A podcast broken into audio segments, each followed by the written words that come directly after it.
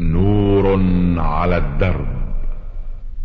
برنامج يومي يجيب فيه أصحاب الفضيلة العلماء على أسئلة المستمعين الدينية والاجتماعية. البرنامج من تقديم وتنفيذ سليمان محمد الشبانة.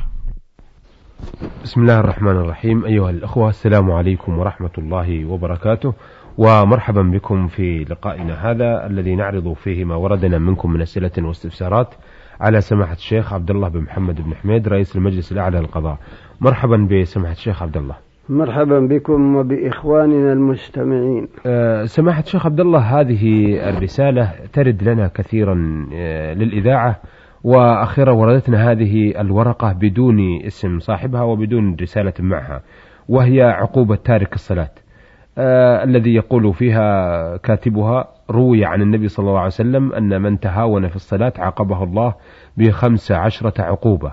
ست منها في الدنيا وثلاث عند الموت وثلاث في القبر وثلاث عند خروجه من القبر. وعددها هذه العقوبات. هل ثبت ذلك عن الرسول صلى الله عليه وسلم؟ بسم الله الرحمن الرحيم.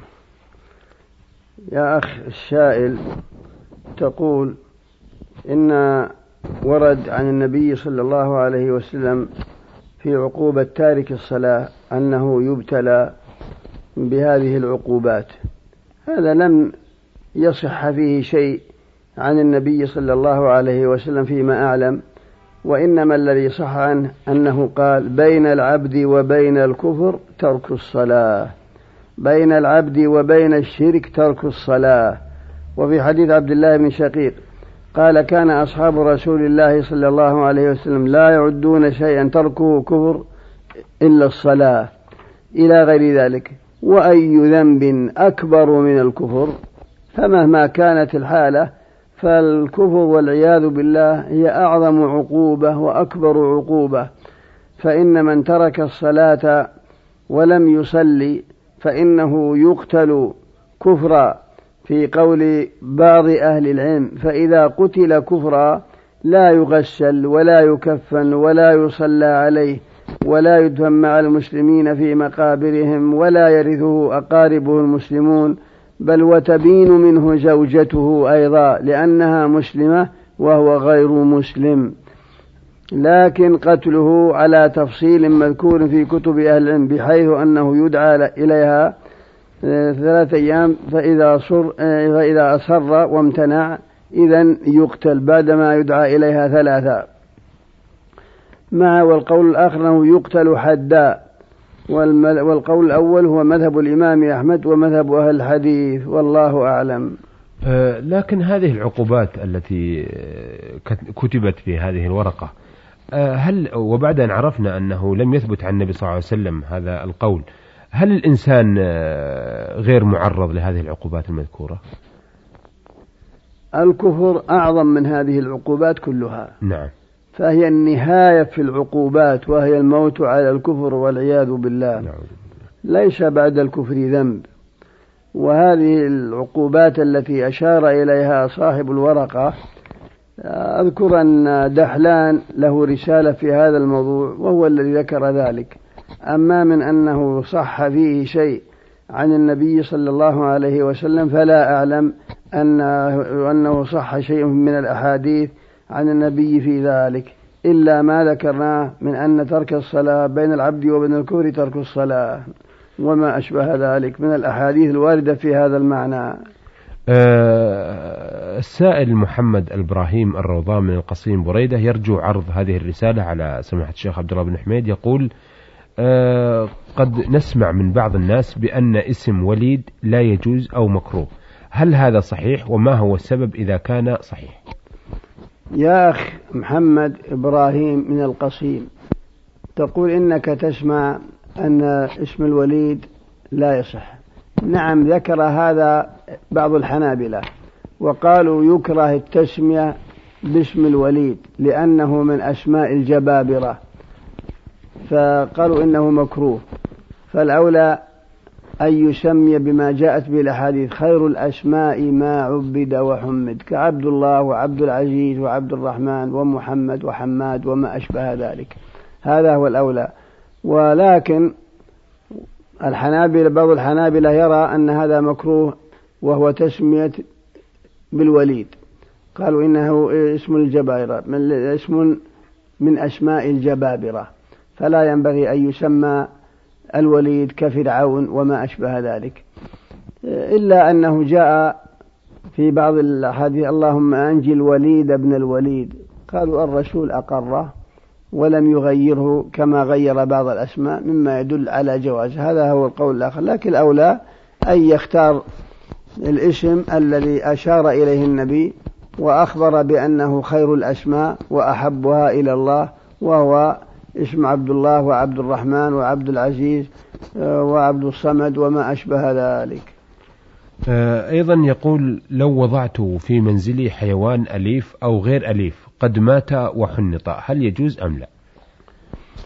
تقول لو وضعت في منزلك حيوان أليف أو غير أليف وقد مات ثم حنطته لا ما ينبغي بكل حال لأنه نجس. ما دام أنه مات فهو ينجس بالموت فلا ينبغي أن تحنطه وأن تبقي حيوانا ميتا في بيتك فإنه ينجس بالموت حينئذ. آه، سؤاله الثالث يقول إذا كنت أحلف بالله العظيم لشخص ما وأنا أقصد غير الذي يقصد ذلك الشخص مثلا قال إن فلان نائم وأنا أحلف أنه ليس نائم لكني أقصد غير الذي يقصد هل علي إثم في ذلك؟ تقول إذا حلفت متأولا تريد معنى غير الذي يريده من استحلفك فهل تأثم؟ نعم يمينك على ما يصدقك به صاحبك. لا ينبغي لك. إلا أن التأويل لا بأس به في حالة الظلم والحاجة إليه. كما قال الإمام أحمد عجبت لمن يعرف التأويل كيف يكذب إذا ألجئ الإنسان إليه لا بأس. أما من أنك تحلف بدون إلجاء وتريد أن ترضي صاحبك فيمينك على ما يصدقك به صاحبك فأنت آثم إلا في الحالات التي أنت مكره عليها. كما لو جاءك إنسان ظالم يريد زيدا وزيد عندك مثلا أو عندك وديعة لزيد. وجاءك رسول السلطان يقول أعطنا وديعة زيد التي هي عندك. يريد أن يأخذها منك ظلما وأنت لا تستطيع المدافعة. فقلت والله ما زيد ها هنا وتشير إلى كفك. فالسامع يظن أنه ما هو عندك في البيت لأنه استحلفك هل هو في البيت أم لا. وحلفت قلت والله ما زيد ها هنا وتشير إلى يدك. فأنت صادق زيد ما هو في يدك إنما هو في البيت. فهذا لا بأس به لأنك تدفع الظلم عن أخيك. أو مثلا عندك له وديعة فجاءك رسول السلطان أو رسول الأمير قال إن عند زيد إن عندك لزيد وديعة سلمها. فقلت ما عندي له وديعة تريد حفظ ماله لأنه مظلوم. فاستحلفك قلت والله ما عندي لزيد وديعة. فالسامع يظن أنك تقول ما عندي ما نافية ما عندي لزيد وديعة وأنت تقصد والله الذي عندي لزيد وديعة تقصد بما بمعنى الذي موصولة والسامع يظن أنها نافية. فهذا لا بأس به لأنك بهذا تريد الدفع دفع الظلم عن أخيك المسلم أو عنك. فهذا هو الذي معنى يقول فيه الإمام أحمد عجبت لمن يعرف التأويل كيف يكذب. أما مثل سؤالك تقول والله إنه ليس بنائم وتقصد شخصا آخر أو ابنك أو زيد فهذا لا ينبغي فإن اليمين تنعقد كما في الحديث يمينك على ما يصدقك به صاحبك. آه هذه أو سؤاله الرابع يقول فيه إذا لم أستيقظ لصلاة الفجر إلا قبيل طلوع الشمس بقليل. وحينما توضأت وأردت أن أكبر وجدتها قد طلع نصفها. أصلي أم أنتظر حتى ترتفع قيد رمح؟ تقول إذا لم تستيقظ لصلاة الفجر إلا عند طلوع الشمس فبعدما توضأت وتهيأت للصلاة أبصرت الشمس قد طلع نصفها. فهل تصلي أم تنتظر؟ لا صل. بكل حال. سواء طلعت أو لم تطلع أو طلع بعضها ما دام أن الصلاة فريضة. فإن رسول الله صلى الله عليه وسلم يقول من نام عن صلاة أو نسيها فليصلها إذا ذكرها لا كفارة لها إلا ذلك. كما لو لم تذكر صلاة العصر إلا عند غروب الشمس وقد تهيأت الغروب صل حالا فلا يجوز لك أن تؤخرها إلى أن تغرب. فكذلك لا يجوز لك أن تؤخر صلاة الفجر إلى أن تطلع الشمس بل صل ولو كان قد طلع بعضها أو لم يطلع. أه سؤاله الخامس والأخير يقول إذا كان في يدي جرح وربطته وتوضأت وخرجت للصلاة أه لم أتعفر ناسيا ولم أذكر إلا عند تكبيرة الإحرام فكبرت وصليت بدون عفور. هل لي صلاة أم لا؟ وهناك من يتعفر على فرش أو بسط هل يصح ذلك منهم؟ تقول إن في يدك جرح وقد ربطته وتوضأت إلا أن هذا الجرح لم تمسحه ولم تعفره يعني لم تتعفر لأجله وصليت. لا صلاتك غير صحيحة بل لا بد من الإعادة. لكن يكفيك المسح على رأي شيخ الإسلام ابن تيمية. أما إذا صليت بدون أن تمسح على الجرح وبدون أن تتيمم لأجله فهذا لا تصح الصلاة لأن وضوءك غير كامل فلا بد من المسح. الحنابلة يرون أنك تمسح عليه وتتيمم تجمع بين المسح والتيمم. وشيخ الإسلام يرى أن المسح كافي فلعل المسح كافي إن شاء الله. آه هذه الرسالة. وأما قولك وأما قولك أنك رأيت بعض الناس يتيمم على الفرش لا بأس إذا كان فيها غبار. كما لو ضربت يديك على الزولية وطار منها غبار صح المسح. يعني صح التيمم. نعم. صح التيمم. أو ضربت يدك تحت عرق شجرة أو جذع شجرة وطار منها غبار يصح التيمم. أما إذا لم يكن هناك غبار فهذا لا يصح التيمم. فإن من شرط صحة التيمم أن يظهر الغبار بعد ضربك بيديك على هذا الشيء من زولية أو لبد أو كرسي أو بساط. إن ظهر فيه غبار صح التيمم وإن لم يكن فيه غبار لا يصح التيمم والله أعلم. آه هذه رسالة وردتنا من متعاقد يقول آه المستمع شين قاف محمود متعاقد آه سماحة الشيخ عبد الله أتيحت لي فرصة العمل في بنك آه كاتب آلة وهذا البنك يشتغل في الربا ويتعاطاه فما حكم عملي به وما حكم ما وما أتقاضاه وأنا قد لا أكتب شيء يمس هذه أو هذا الربا؟ يا أخ شين قاف محمود تقول إنك تشتغل في بعض البنوك كاتب آلة وأنك لا تستعمل الربا ولا تكتب الربا وتأخذ راتبك من البنك فهل يسوغ لك ذلك؟ نعم لا بأس يسوغ لك ذلك ما دام أن راتبك لم يكن من الربا عينا بل هو مختلط يحتمل أن يكون من الربا ويحتمل ألا يكون من الربا. فما دام أن الأمر مشتبه يجوز لك أخذه.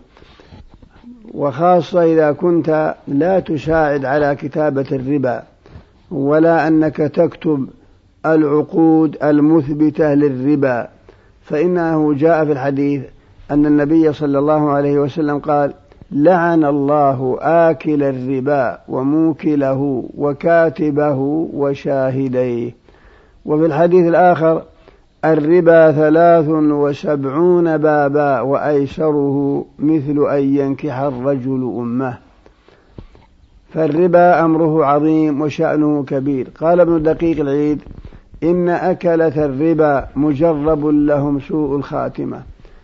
إلا أنه إذا اشتبه الأمر ودفع لك راتبك ولا تدري هل هو من عين الربا أو من غيره فهذا لا بأس بأخذه كما قرره شيخ الإسلام ابن تيمية رحمه الله وغيره. و و و وذكرت في سؤالك أنك لا تكتب الربا ولا تساعد على كتابة الربا وإنما تكتب أشياء أخرى كما هو ظاهر من سؤالك. فإذا لا حرج إن شاء الله والله أعلم. آه هذه رسالة وردت من مستمعة تقول المرسلة المعذبة أرجو عدم ذكر اسمي والاكتفاء بنون دال ألف. تقول في رسالتها أنا سيدة أبلغ من العمر 22 عام متزوجة من ابن خالتي منذ سنوات أنجبت خلالها بنتان وبنتين وولد. ومشكلتي أن زوجي يشك بي ولا يثق بي وعندما أنجبت ابنتي الأولى بدأ يشك بي لأنني أنجبتها لسبعة شهور. ويقول إنك حامل قبل أن أتزوجك. علما أنه أخذ أخيرا في اعتزالي ويتناول بعض الأشياء المخدرة ويلعب كثيرا البلوت إلى آخره.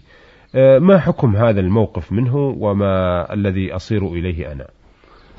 يا أخت نون دال تقولين إن لك زوجا وهو ابن خالتك. وقد بلغت من العمر ثنتين وعشرين سنة وأنك أنجبت منه, بن أنجبت منه بنتين وولد وأنه يشك فيك بسبب أنك جبت البنت الأولى لمدة سبعة شهور وهو يتعاطى شيء من المخدرات. هذا خطأ منه لا ينبغي أن يشك. والمرأة قد تلد لسبعة أشهر. ما في مانع. فإن مدة الحمل ستة أشهر. أقلها ستة أشهر وأكثرها أربع سنين. هذا هو أقل مدة الحمل ستة أشهر. وأنت جئت, جئت بها لسبعة أشهر. والدليل على أن أقل مدة الحمل ستة أشهر قوله سبحانه وتعالى وحمله وفصاله ثلاثون شهرا. فقوله وحمله وفصاله معلوم أن الفصال يعني الفطام سنتين كما قال تعالى والوالدات يرضعن أولادهن حولين كاملين. فإذا أرضعته حولين بقي ستة أشهر وهي مدة الحمل كما حكى الله وحمله وفصاله ثلاثون شهرا. فشكه فيك خطأ منه وهذا ضرب من الوسواس فلا ينبغي منه بكل حال والبنت بنته شرعا وتلحق به شرعا ولكن عليك الصبر والاحتساب ونرجو له من الله الهداية والتوفيق وأن يذهب عنه ما يجده من تلك الشكوك والوساوس والله أعلم. أثابكم الله. أيها السادة إلى هنا نأتي إلى نهاية لقائنا هذا. الذي عرضنا فيه رسائل السادة مستمع لم يذكر اسمه يسأل عن صحة حديث عقوبة, عقوبة تارك الصلاة والمستمع محمد الإبراهيم الروضان من القصيم بريدة والمستمع شين قاف محمود متعاقد من الرياض ويسأل عن حكم النسخ في البنوك التي تتعاطى الربا. والمرسلة نون دال ألف وتسأل عن حكم شك الزوج بزوجته. عرضنا ما وردنا في رسائلهم من أسئلة واستفسارات. على سماحة الشيخ عبد الله بن محمد بن حميد رئيس المجلس الأعلى للقضاء. شكرا لسماحة الشيخ وشكرا لكم أيها الأخوة وإلى أن نلتقي بحضراتكم نستودعكم الله والسلام عليكم ورحمة الله وبركاته. وشكرا لكم ولإخواني المستمعين سائلا الله لنا ولهم التوفيق والثبات على الإسلام إلى أن نلقاه. أحسنتم أثابكم الله. نور على الدرب. برنامج يومي يجيب فيه أصحاب الفضيلة العلماء على أسئلة المستمعين الدينية والاجتماعية. البرنامج من تقديم وتنفيذ سليمان محمد الشبانة.